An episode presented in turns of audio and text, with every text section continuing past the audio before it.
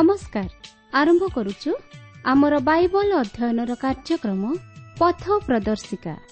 ପବିତ୍ର ବାଇବଲ କହେ ଯଦି ଆମ୍ଭେମାନେ ଆପଣା ଆପଣା ପାପ ସ୍ୱୀକାର କରୁ ତେବେ ସେ ଆମ୍ଭମାନଙ୍କର ପାପ କ୍ଷମା କରିବାକୁ ଓ ସମସ୍ତ ଅଧର୍ମରୁ ଆମ୍ଭମାନଙ୍କୁ ପରିଷ୍କାର କରିବାକୁ ବିଶ୍ୱସ୍ତ ଓ ନ୍ୟାୟବାନ ଅଟନ୍ତି। ଆସନ୍ତୁ ସେହି ଉଦ୍ଧାରକର୍ତ୍ତାଙ୍କର ପରିଚୟ ପାଇବା ନିମନ୍ତେ ଶୁଣିବା ବେତାର କାର୍ଯ୍ୟକ୍ରମ ପଥ ପ୍ରଦର୍ଶିକା।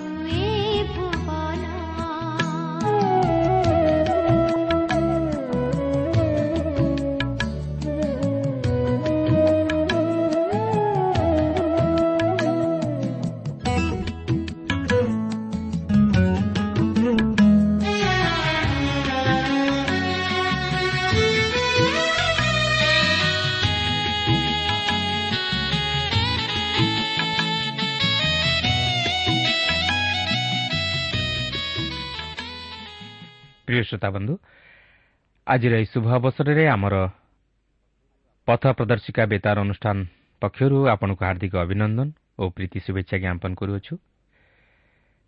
ଆପଣଙ୍କର ସହଯୋଗ ନିମନ୍ତେ ବିଶେଷ ଧନ୍ୟବାଦ। ଆପଣ ଏହି କାର୍ଯ୍ୟକ୍ରମର ଜଣେ ନିୟମିତ ଶ୍ରୋତା ଜାଣିବା ବିଶେଷ ଖୁସି। ପ୍ରଭୁଙ୍କ ନାମକୁ ଧନ୍ୟବାଦ ଦେଉ। ପ୍ରଭୁ ଯୀଶୁଙ୍କ ବିଷୟରେ ଅଧିକ ଜାଣିବା ନିମନ୍ତେ ଆପଣଙ୍କର ଆଗ୍ରହକୁ ଦେଖି ଆମେ ମଧ୍ୟ ବିଶେଷ ଆନନ୍ଦିତ। ପ୍ରଭୁ ଆପଣଙ୍କୁ ଆଶୀର୍ବାଦ କରନ୍ତୁ ଓ ଆପଣଙ୍କର ମନମାଂଛା ପୂର୍ଣ୍ଣ କରନ୍ତୁ। ଆସନ୍ତୁ ପ୍ରଭୁଙ୍କର ବାକ୍ୟ ମଧ୍ୟ ଦେଇଯିବା ପୂର୍ବରୁ ସଂକ୍ଷେପରେ ପ୍ରାର୍ଥନା କରିବା। ପ୍ରିୟ ପବିତ୍ର ପ୍ରଭୁ ତୁମର ପବିତ୍ର ନାମର ଧନ୍ୟବାଦ କରୁଅଛୁ। ତୁମର ଜୀବନ୍ତ ବାକ୍ୟ ପାଇଁ ତୁମର ଅନୁଗ୍ରହ ପାଇଁ ତୁମର ପ୍ରେମ ପାଇଁ ତୁମର ସୁରକ୍ଷା ପାଇଁ। ହଁ ପ୍ରଭୁ ଏହି ସମସ୍ତ ତୁମେ ଅଯାଚିତ ଭାବରେ ଆମମାନଙ୍କ ଜୀବନ ପାଇଁ ଦାନ କରିଅଛ। ସେଥିପାଇଁ ଆଜି ଆମମାନେ ଜଗତ ମଧ୍ୟରେ ବଞ୍ଚି ରହିବା ପାଇଁ ସୁଯୋଗ ପାଇପାରିଛୁ। ପ୍ରଭୁ ତୁମର ଧନ୍ୟବାଦ କରୁଅଛୁ ଯେ ତୁମେ ଆମମାନଙ୍କୁ ଜୀବିତମାନଙ୍କ ମଧ୍ୟରେ ନାମସ୍ଥାନ ଦେଇଅଛ। ପ୍ରଭୁ ତୁମର ବାକ୍ୟ ମଧ୍ୟ ଦେଇ ତୁମେ ଆମମାନଙ୍କ ସହିତ କଥା କୁହ। ତୁମର ଇଚ୍ଛା ଓ ଅଭିମତକୁ ସଫଳ କରିବା ନିମନ୍ତେ ତୁମେ ଆମମାନଙ୍କୁ ଜ୍ଞାନ ବିଶିଷ୍ଟ ଅନ୍ତକଣ ଦାନ କର। ଏକ ସରଳ ବିଶ୍ୱାସର ହୃଦୟ ଦିଅ। ଆମମାନଙ୍କର ମନ ମଧ୍ୟରୁ ସମସ୍ତ ପ୍ରକାର ଅବିଶ୍ୱାସ ଓ ସନ୍ଦେହ ତୁମେ ଦୂର କରିଦିଅ। ଧନ୍ୟବାଦ ଦେଉଅଛି ପ୍ରଭୁ ତୁମେ ଶ୍ରୋତାବନ୍ଧୁମାନଙ୍କ ପ୍ରାର୍ଥନା ଶୁଣି ସେମାନଙ୍କର ସମସ୍ୟା ସମାଧାନ କରିଅଛ ଅନେକଙ୍କୁ ସୁସ୍ଥତା ଦେଇଅଛ ହଁ ପ୍ରଭୁ ତୁମର ଗୌରବ ତୁମର ମହିମା ପ୍ରଭୁ ତୁମେ ନିଅ। ଆହୁରି ମଧ୍ୟ ଯେଉଁ ଶ୍ରୋତାବନ୍ଧୁମାନେ ସେହି ସୁସ୍ଥତା ଏବଂ ତୁମର ଆଶୀର୍ବାଦର ଅପେକ୍ଷାରେ ଅଛନ୍ତି ପ୍ରଭୁ ତୁମେ ପ୍ରତ୍ୟେକଙ୍କୁ ସୁସ୍ଥତା ଆରୋଗ୍ୟତା ଦେଇ ତୁମରି ଆଶୀର୍ବାଦରେ ପରିପୂର୍ଣ୍ଣ କରି ରଖ। ଏହି ସମସ୍ତ ପ୍ରାର୍ଥନା ଆମମାନଙ୍କର ଉଦ୍ଧାରକର୍ତ୍ତା ଜୀବିତ ପୁନରୁଦ୍ଧିତ ପ୍ରିୟ ପ୍ରଭୁ ଯୀଶୁଙ୍କ ନାମରେ ମାଗୁଅଛୁ ଆମେନ୍।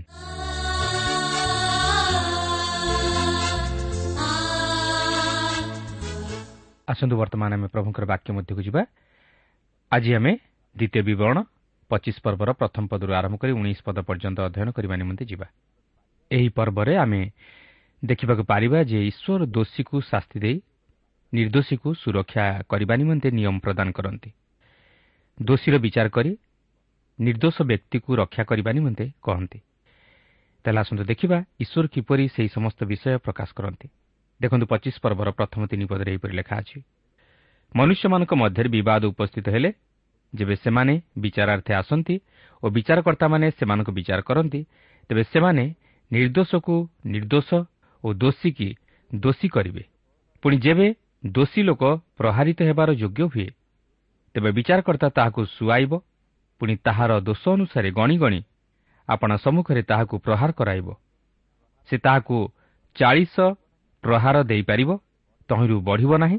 ନୋହିଲେ ଯେବେ ସେ ବଢ଼େ ଓ ତହିଁରୁ ବହୁତ ପ୍ରହାର କରେ ତେବେ ତୁମ୍ଭ ଭାଇ ତୁମ୍ଭ ଦୃଷ୍ଟିରେ ତୁଚ୍ଛ ଯୋଗ୍ୟ ହେବ।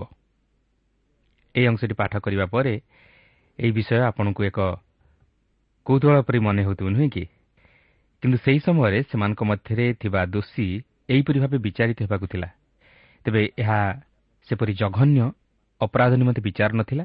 ହୋଇପାରେ ସେମାନଙ୍କ ମଧ୍ୟରେ କୌଣସି ପ୍ରକାର ଭୁଲ ବୁଝାମଣା ନେଇ ଯଦି କୌଣସି ଅପ୍ରୀତିକର ବିଷୟ ଉପୁଜୁଥିଲା ତାହେଲେ ସେମାନେ ଏହିପରି ଭାବେ ବିଚାରିତ ହେବାକୁ ଥିଲା ଯଦିଓ ଏହିସବୁ ଅପରାଧ ଅତି ଜଘନ୍ୟ ନଥିଲା ମାତ୍ର ତଥାପି ସେହି ଅପରାଧ ନିମନ୍ତେ ସେମାନେ ଏହିପରି ବିଚାରିତ ହେବାକୁ ଥିଲା ଏଠାରେ ଯେଉଁ ଚାଳିଶ ଥର ପ୍ରହାର କରିବାର ବିଷୟ ଉଲ୍ଲେଖ କରାଯାଇଅଛି ଏହା ଏକ ସୀମିତତାକୁ ପ୍ରକାଶ କରେ।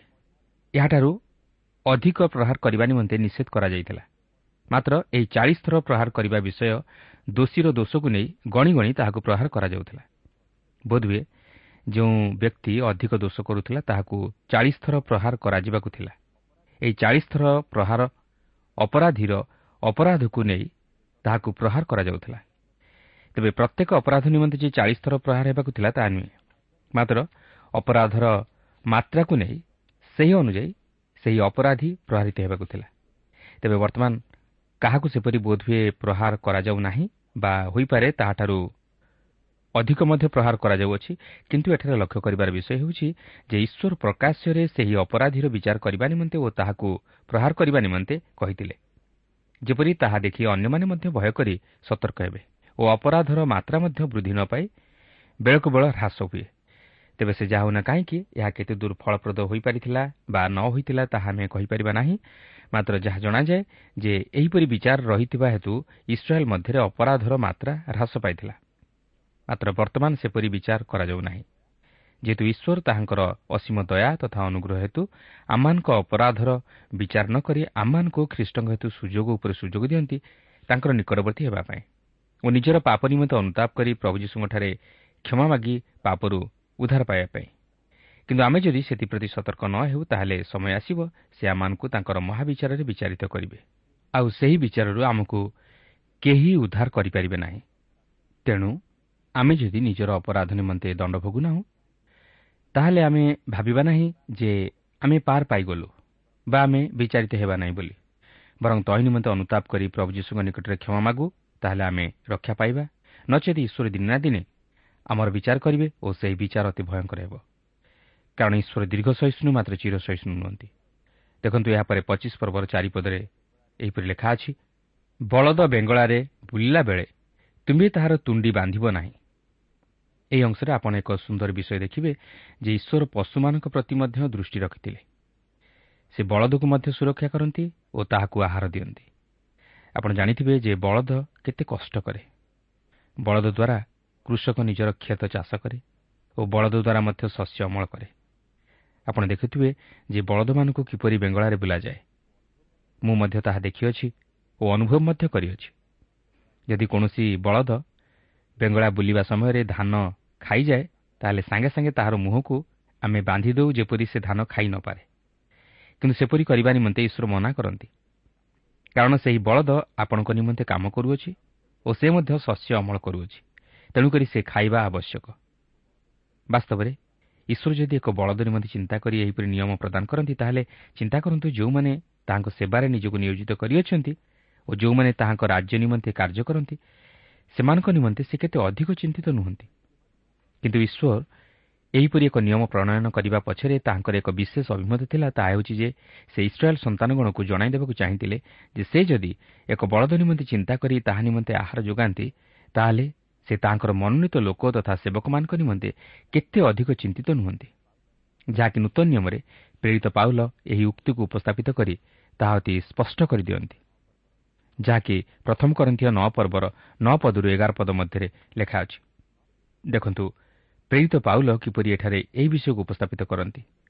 ଅର୍ଥାତ୍ ସେ କହିବାକୁ ଚାହାନ୍ତି ଯେ ଯେଉଁମାନେ ପ୍ରଭୁଙ୍କ ସେବାରେ ନିଜକୁ ନିୟୋଜିତ କରନ୍ତି ସେମାନେ ମଧ୍ୟ ସେହି ସେବା ଦ୍ୱାରା ନିଜର ଜୀବିକା ନିର୍ବାହ କରିବା ଉଚିତ। ସେ କହିବାକୁ ଚାହାନ୍ତି ଯେଉଁମାନେ ତୁମମାନଙ୍କର ଆତ୍ମିକ ଅଭାବକୁ ଈଶ୍ୱରଙ୍କ ବାକ୍ୟ ପ୍ରଚାର କରିବା ଦ୍ୱାରା ପୂରଣ କରନ୍ତି ତୁମେମାନେ ମଧ୍ୟ ସେହିପରି ସେମାନଙ୍କର ଶାରୀରିକ ଅଭାବ ପ୍ରତି ଦୃଷ୍ଟି ଦେଇ ସେମାନଙ୍କର ଶାରୀରିକ ଅଭାବକୁ ପୂରଣ କରିବା ନିତାନ୍ତ ଆବଶ୍ୟକ। ସେଥିପାଇଁ ସେହି ପ୍ରଥମ କରିଥିବା ନଅ ପର୍ବର ଚଉଦ ପଦରେ ଏହିପରି ଉଲ୍ଲେଖ କରନ୍ତି ସେହି ପ୍ରକାରେ ଯେଉଁମାନେ ସୁଷମାଚାର ପ୍ରଚାର କରନ୍ତି ସେମାନେ ଯେ ସୁଷମାଚାର ଦ୍ୱାରା ଜୀବିକା ନିର୍ବାହ କରିବେ ଏହା ପ୍ରଭୁ ଆଦେଶ ଦେଇଅଛନ୍ତି। ପ୍ରିୟ ବନ୍ଧୁ ଆଜି ଆମମାନଙ୍କର କର୍ତ୍ତବ୍ୟ ହେଉଛି ଯେ ଆମେ ଯେପରି ପ୍ରଭୁଙ୍କର ସେବକମାନଙ୍କର ଆବଶ୍ୟକତା ପ୍ରତି ଦୃଷ୍ଟି ଦେଇ ସେମାନଙ୍କୁ ସାହାଯ୍ୟ କରୁ ତାହା ଆଜି ଆପଣଙ୍କର ଓ ମୋହର କର୍ତ୍ତବ୍ୟ। କିନ୍ତୁ ଆମେ ଯେପରି ସେମାନଙ୍କର ଅଭାବକୁ ଦେଖି ଆଖି ବୁଝି ନ ଦେଉ ମାତ୍ର ସେମାନଙ୍କର ଆବଶ୍ୟକତାକୁ ପୂରଣ କରୁ ତାହା ହିଁ ଆଜି ଈଶ୍ୱର ତାଙ୍କର ବାକ୍ୟ ଦ୍ୱାରା ଆମକୁ ଜଣାଇ ଦିଅନ୍ତି। ଯଦିଓ ଈଶ୍ୱର ତାଙ୍କର ସେବକମାନଙ୍କ ବିଷୟରେ ଚିନ୍ତା କରନ୍ତି ଓ ସେମାନଙ୍କର ଅଭାବକୁ ପୂରଣ କରନ୍ତି ତଥାପି ସେ ଚାହାନ୍ତି ଆମେ ଯେପରି ତାହାଙ୍କର ସେବକମାନଙ୍କର ଆବଶ୍ୟକତା ପ୍ରତି ଦୃଷ୍ଟି ଦେଉ। କାରଣ ସେମାନେ ଆମମାନଙ୍କର ଆତ୍ମିକ ଆବଶ୍ୟକତାକୁ ପୂରଣ କରୁଥିବାରୁ ସେମାନଙ୍କର ଶାରୀରିକ ଆବଶ୍ୟକତାକୁ ଆମେ ପୂରଣ କରିବା ଆବଶ୍ୟକ। ତାହା ନହେଲେ ଆମେ କେବେ ହେଲେ ଈଶ୍ୱରଙ୍କ ଆଶୀର୍ବାଦର ଅଧିକାରୀ ହୋଇପାରିବା ନାହିଁ। ତେଣୁ କେବଳ ନିଜର ନିମନ୍ତେ ଚିନ୍ତା ନ କରି ଅନ୍ୟର ନିମନ୍ତେ ମଧ୍ୟ ଚିନ୍ତା କରନ୍ତୁ ଓ ବିଶେଷରେ ଈଶ୍ୱରଙ୍କ ସେବକମାନଙ୍କ ନିମନ୍ତେ ଚିନ୍ତା କରନ୍ତୁ। ସେମାନଙ୍କର ଅଭାବ ପ୍ରତି ଦୃଷ୍ଟି ଦିଅନ୍ତୁ ଓ ସେମାନଙ୍କୁ ସାହାଯ୍ୟ କରନ୍ତୁ।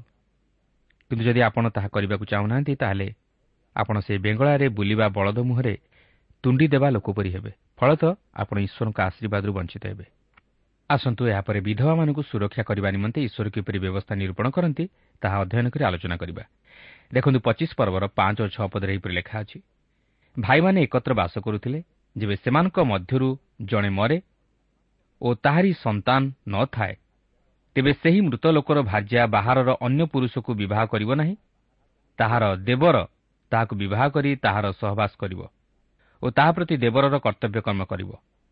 ପୁଣି ସେହି ସ୍ତ୍ରୀ ଯେଉଁ ପ୍ରଥମ ସନ୍ତାନ ଜନ୍ମ କରିବ ସେ ତାହାର ମୃତ ଭ୍ରାତାର ଉତ୍ତରାଧିକାରୀ ହେବ ତାହେଲେ ତାହାର ନାମ ଇସ୍ରାଏଲ୍ ମଧ୍ୟରୁ ଲୁପ୍ତ ହେବ ନାହିଁ। ଏହି ଅଂଶରେ ଆପଣ ଲକ୍ଷ୍ୟ କରିବେ ଈଶ୍ୱର ବିଧବା ନିମନ୍ତେ ମଧ୍ୟ ଚିନ୍ତା କରି ତାହାର ସୁରକ୍ଷା ନିମନ୍ତେ ନିୟମ ପ୍ରଦାନ କରନ୍ତି। ଆପଣ ଦେଖନ୍ତୁ ବର୍ତ୍ତମାନ ଲୋକେ ନାରୀର ଅଧିକାର ନେଇ ଓ ସୁରକ୍ଷା ନେଇ ଦାବି କରନ୍ତି। ମାତ୍ର ତାହା ସେତେଦୂର ଫଳପ୍ରଦ ହୋଇପାରେ ନାହିଁ। କିନ୍ତୁ ଆପଣ ଦେଖନ୍ତୁ ଈଶ୍ୱର ଯେଉଁ ବ୍ୟବସ୍ଥା ପ୍ରଣୟନ କରିଥିଲେ ତାହା ବାସ୍ତବରେ ଫଳପ୍ରଦ ହୋଇପାରିଥିଲା ଯାହାକି ଆମେ ଋତର ବିବରଣ ପୁସ୍ତକର ଋତର ଜୀବନରେ ଦେଖିବାକୁ ପାରୁ। ଋତ ବିଧବା ଥିଲେ ମଧ୍ୟ ଈଶ୍ୱର ତାହାର ସ୍ୱାମୀର ବଂଶଧର ମଧ୍ୟରୁ ଜଣକୁ ଯୋଗାଇଲେ ଯିଏକି ଋତକୁ ଆପଣାର ଭାର୍ଯ୍ୟା ରୂପେ ଗ୍ରହଣ କଲା। ତାହାର ନାମ ବୋୟଜ।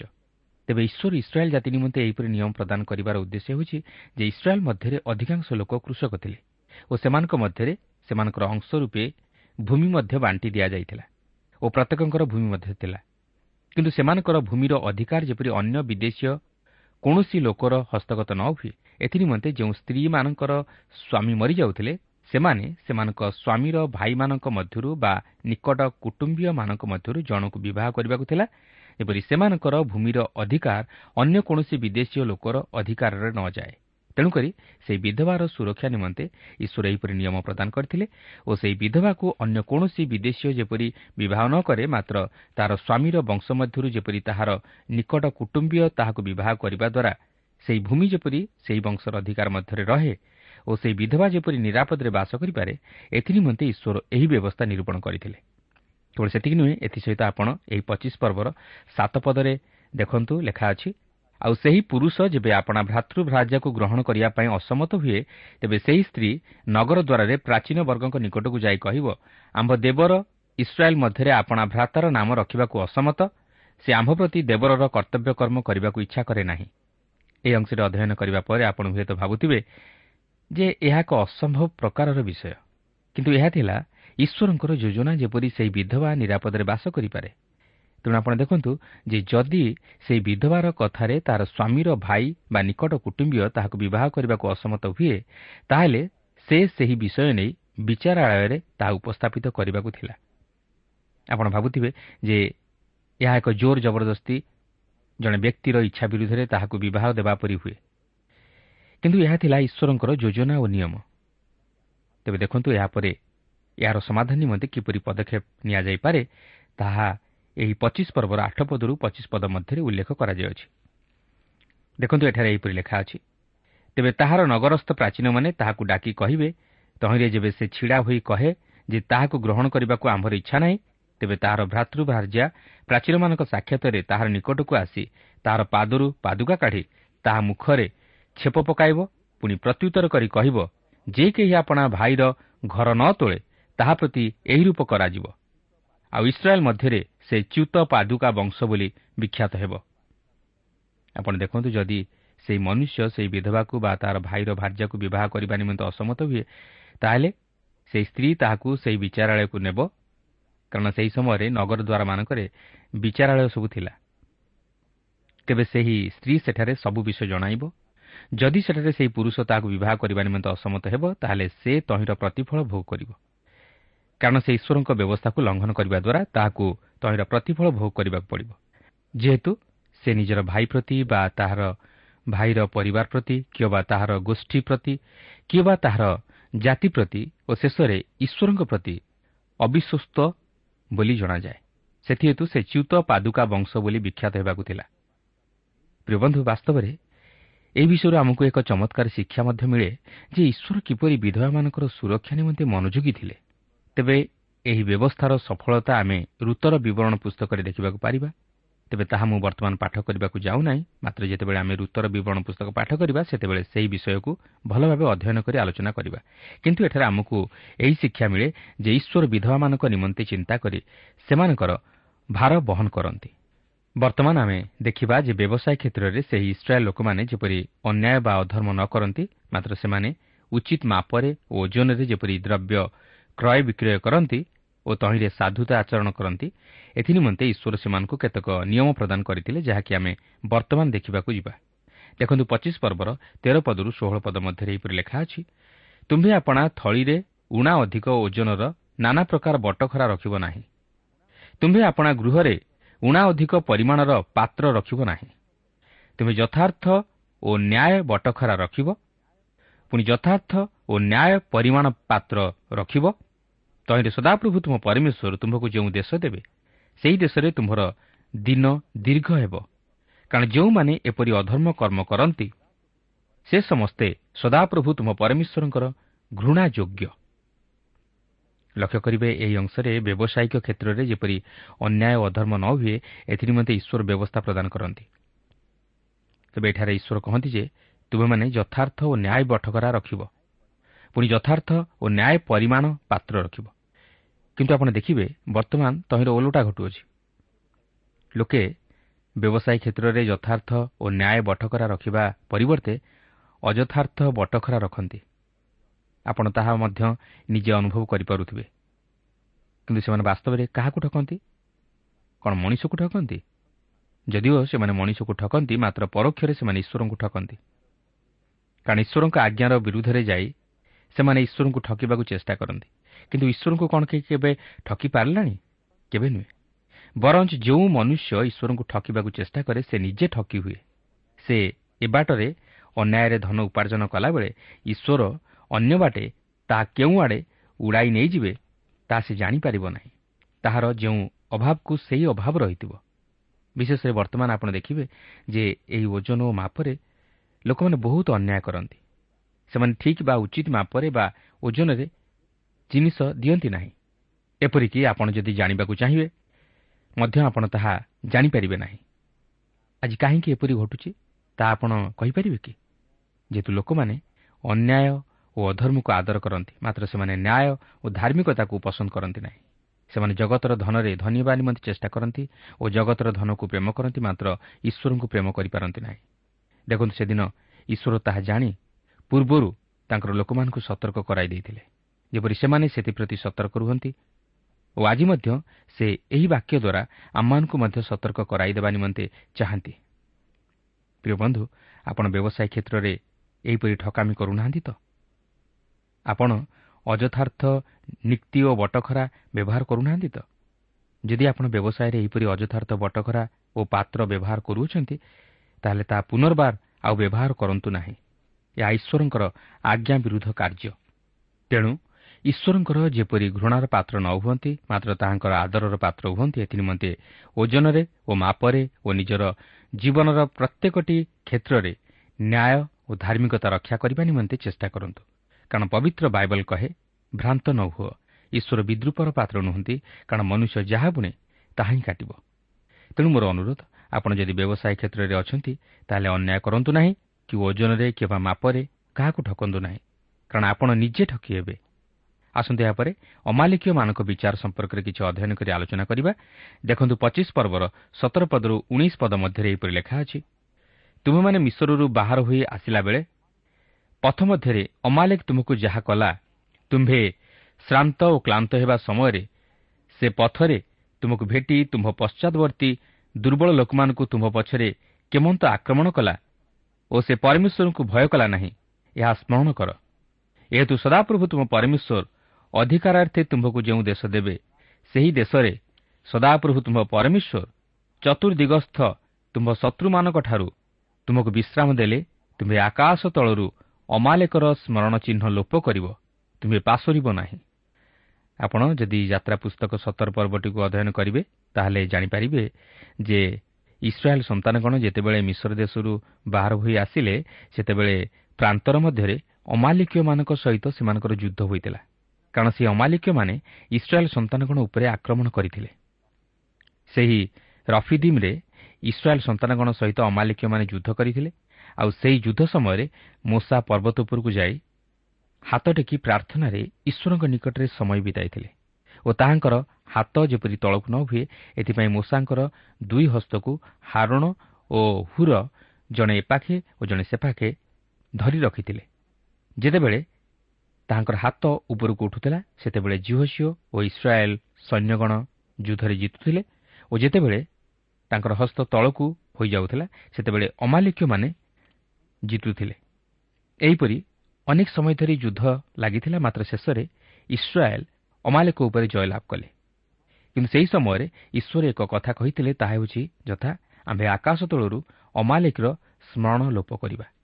କାହିଁକି? ଯେହେତୁ ସେମାନେ ଈଶ୍ୱରଙ୍କ ଲୋକମାନଙ୍କ ବିରୁଦ୍ଧରେ ଯୁଦ୍ଧ କଲେ ଓ ଈଶ୍ୱରଙ୍କୁ ଭୟ କଲେ ନାହିଁ କି ଈଶ୍ୱରଙ୍କ ଲୋକମାନଙ୍କୁ ସାହାଯ୍ୟ କଲେ ନାହିଁ। କିନ୍ତୁ ବର୍ତ୍ତମାନ ଆମେ ସେହିପରି ହୁଏତ ଯୁଦ୍ଧ କରୁନାହୁଁ ମାତ୍ର ଏହି ଘଟଣାରୁ ଆମମାନଙ୍କ ଜୀବନ ନିମନ୍ତେ ଏକ ଆତ୍ମିକ ଶିକ୍ଷା ମିଳେ। ଯଦିଓ ଆମେ ଶାରୀରିକ ଭାବେ ଯୁଦ୍ଧ କରୁନାହୁଁ ମାତ୍ର ଆମେ ଜୀବନର ଅନେକ କ୍ଷେତ୍ରରେ ଆତ୍ମିକ ଯୁଦ୍ଧର ସମ୍ମୁଖୀନ ହେଉ। ଏହି ଅମାଲିକ୍ୟମାନେ ହେଉଛନ୍ତି ଶାରୀରିକ ଅଭିଳାଷର ନିଦର୍ଶନ ଯାହାକି ସେହି ପୁରାତନ ସ୍ୱଭାବ ଆମେ ଆଦମଙ୍କଠାରୁ ଗ୍ରହଣ କରିଅଛୁ। କାରଣ ସେହି ପାପର ସ୍ୱଭାବ ଆମମାନଙ୍କ ମଧ୍ୟରେ ରହିଅଛି। ଆଉ ଯେପର୍ଯ୍ୟନ୍ତ ସେହି ସ୍ୱଭାବ ଆମେ ପରିତ୍ୟାଗ କରିନାହୁଁ ସେ ପର୍ଯ୍ୟନ୍ତ ଆମେ ସ୍ୱର୍ଗ ରାଜ୍ୟରେ ପ୍ରବେଶ କରିପାରିବା ନାହିଁ। କାରଣ ଏହି ପୁରାତନ ସ୍ୱଭାବ ଯେପର୍ଯ୍ୟନ୍ତ ଆମର ଜୀବନରେ ଥିବ ସେ ପର୍ଯ୍ୟନ୍ତ ଆମେ ଆତ୍ମିକ ଜୀବନରେ ଏକ ଯୁଦ୍ଧର ସମ୍ମୁଖୀନ ହେଉଥିବା। ତେଣୁକରି ଏହି ଜୀବନରେ ଯଦିଓ ଆମେ ଶାରୀରିକ ଭାବେ ଯୁଦ୍ଧର ସମ୍ମୁଖୀନ ନ ହେଉ ମାତ୍ର ଆତ୍ମିକ ଜୀବନରେ ଆମେ ପ୍ରତ୍ୟେକ ଏକ ଯୁଦ୍ଧର ସମ୍ମୁଖୀନ ହେଉ। ସଦାବେଳେ ଆମମାନଙ୍କ ମଧ୍ୟରେ ଅନ୍ଧକାରର ଶକ୍ତି ଓ ଆଲୋକର ଶକ୍ତି ମଧ୍ୟରେ ଏକ ଯୁଦ୍ଧ ଚାଲେ। ଭଲ ଓ ମନ୍ଦ ମଧ୍ୟରେ ଯୁଦ୍ଧ ଚାଲେ। ପାପ ଓ ପୁଣ୍ୟ ମଧ୍ୟରେ ଯୁଦ୍ଧ ଚାଲେ।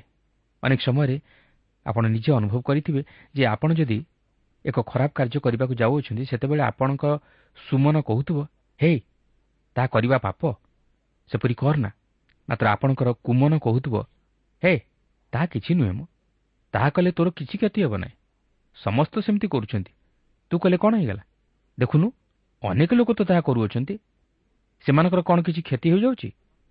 ତେଣୁ ତୁ ମଧ୍ୟ ସେପରି କଲେ କିଛି କ୍ଷତି ହେବ ନାହିଁ। ତେଣୁ ଏହିପରି ଆତ୍ମିକ ଜୀବନରେ ଆମେ ଅନେକ ସମୟରେ ଯୁଦ୍ଧର ସମ୍ମୁଖୀନ ହେଉ।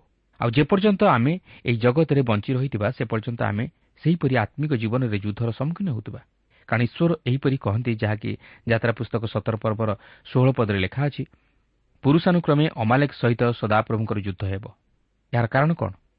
ଏହାର କାରଣ ହେଉଛି ଯେପର୍ଯ୍ୟନ୍ତ ଆମେ ଏହି ଜଗତ ମଧ୍ୟରେ ଥିବା ସେ ପର୍ଯ୍ୟନ୍ତ ଆମେ ଏହିପରି ଭାବେ ଆତ୍ମିକ ଜୀବନରେ ଆମର ପୁରାତନ ସ୍ୱଭାବ ସହିତ ଯୁଦ୍ଧ କରିଚାଲିଥିବା କିନ୍ତୁ ଆମେ ନିଜର ଶକ୍ତିରେ ବା ଚେଷ୍ଟାରେ ବା ଧର୍ମକର୍ମ ନେଇ ଏହି ଯୁଦ୍ଧରେ ଜୟୀ ହୋଇପାରିବା ନାହିଁ। ମାତ୍ର ଆମେ ଯଦି ପ୍ରଭୁ ଯୀଶୁ ଖ୍ରୀଷ୍ଟଙ୍କଠାରେ ବିଶ୍ୱାସ କରି ତାଙ୍କଠାରୁ ଶକ୍ତି ଭିକ୍ଷା କରୁ ତାହେଲେ ସେ ଆମମାନଙ୍କୁ ଏହି ଯୁଦ୍ଧରେ ବିଜୟୀ ହେବା ନିମନ୍ତେ ଶକ୍ତି ଦେବେ। ଅର୍ଥାତ୍ ସେ ଆମକୁ ପବିତ୍ର ଆତ୍ମାଙ୍କ ଶକ୍ତିରେ ଶକ୍ତିଯୁକ୍ତ କରି ସେହି ଆତ୍ମିକ ଯୁଦ୍ଧରେ ବିଜୟୀ ହେବା ନିମନ୍ତେ ଆମକୁ ଶକ୍ତି ଦେବେ। ସେଥିପାଇଁ ଗାଲାତୀୟ ପାଞ୍ଚ ପର୍ବର ସତରପଦରେ ଲେଖା ଅଛି କାରଣ ଶରୀରର ଅଭିଳାଷ ଆତ୍ମାଙ୍କ ପ୍ରତିକୂଳ ଆଉ ଆତ୍ମାଙ୍କ ଅଭିଳାଷ ଶରୀରର ପ୍ରତିକୂଳ। ଯେଣୁ ଏହି ଦୁଇ ପରସ୍ପରର ବିପରୀତ ଫଳତଃ ତୁମେମାନେ ଯାହା ଯାହା ଇଚ୍ଛା କର ସେହିସବୁ କରିପାର ନାହିଁ ପ୍ରିୟ ବନ୍ଧୁ ଆମମାନେ କେବେ ହେଲେ ନିଜେ ଯୁଦ୍ଧ କରି ଆମମାନଙ୍କର ଶାରୀରିକ ଅଭିଳାଷ ଉପରେ ଜୟଯୁକ୍ତ ଜୀବନଯାପନ କରିପାରିବା ନାହିଁ। କାରଣ ଏଥିନିମନ୍ତେ ଆମକୁ ଈଶ୍ୱରଙ୍କ ଉପରେ ନିର୍ଭର କରିବାକୁ ହେବ ଓ ପ୍ରଭୁ ଯୀଶୁଖ୍ରୀଷ୍ଟଙ୍କଠାରେ ବିଶ୍ୱାସ କରି ତାହାଙ୍କଠାରୁ ଶକ୍ତି ଭିକ୍ଷା କରିବାକୁ ହେବ। କାରଣ ଆମେ ଦୁର୍ବଳ ମନୁଷ୍ୟ। ସେଥିପାଇଁ ପ୍ରେରିତ ପାଉଲ ଏହିପରି ଉଲ୍ଲେଖ କରନ୍ତି ଯାହାକି ରୋମିଓ ସାତ ପର୍ବର ଉଣେଇଶରୁ କୋଡ଼ିଏ ପଦରେ ଲେଖା ଅଛି କାରଣ ଯେଉଁ ଉତ୍ତମ କର୍ମ କରିବାକୁ ମୁଁ ଇଚ୍ଛା କରେ ତାହା କରେ ନାହିଁ। କିନ୍ତୁ ଯେଉଁ ମନ୍ଦ କର୍ମ କରିବାକୁ ମୁଁ ଇଚ୍ଛା କରେ ନାହିଁ ତାହା କରେ। କିନ୍ତୁ ଯାହା ମୁଁ ଇଚ୍ଛା କରେ ନାହିଁ ତାହା ଯଦି କରେ ତେବେ ମୁଁ ନିଜେ ତାହା ଆଉ କରେ ନାହିଁ। ମାତ୍ର ମୋଠାରେ ବାସ କରୁଥିବା ପାପ ତାହା କରେ।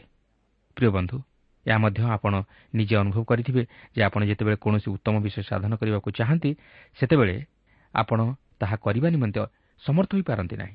ବା ଯଦି କରନ୍ତି ତାହେଲେ ସେଥି ନିମନ୍ତେ ବହୁତ ଅସୁବିଧା ତଥା ବାଧାବିଘ୍ନର ସମ୍ମୁଖୀନ ହୁଅନ୍ତି। ତଥାପି ମଧ୍ୟ ତାହା ସାଧନ କରିପାରନ୍ତି ନାହିଁ। ମାତ୍ର ଯାହା ଆପଣ କରିବାକୁ ନ ଚାହାନ୍ତି ତାହା ହିଁ କରିଥାନ୍ତି। ଏହା କାହିଁକି ଏପରି ହୁଏ ବୋଲି ଆପଣ କେବେ ଚିନ୍ତା କରିଛନ୍ତି କି? ତାହା କେବଳ ଆପଣଙ୍କ ମଧ୍ୟରେ ଥିବା ପାପର ସ୍ୱଭାବ ହେତୁ ଏହିପରି ଘଟେ। ତେଣୁ ପ୍ରିୟ ବନ୍ଧୁ ଜାଣି ରଖନ୍ତୁ ଯେ ଏହି ଜଗତରେ ଆମେ ପ୍ରତ୍ୟେକ ସମୟରେ ଏହି ଆତ୍ମିକ ଯୁଦ୍ଧର ସମ୍ମୁଖୀନ ହେବାକୁ ପଡ଼ିବ। ମାତ୍ର ଏହି ଯୁଦ୍ଧରେ ଅନେକ ଉତ୍ଥାନ ଓ ପତନର ମଧ୍ୟ ଦେଇ ଆମକୁ ଗତି କରିବାକୁ ହେବ ଓ ବିଜୟ ଲାଭ କରିବାକୁ ହେବ। ପ୍ରଭା ପ୍ରତ୍ୟେକଙ୍କୁ ଆଶୀର୍ବାଦ କରନ୍ତୁ।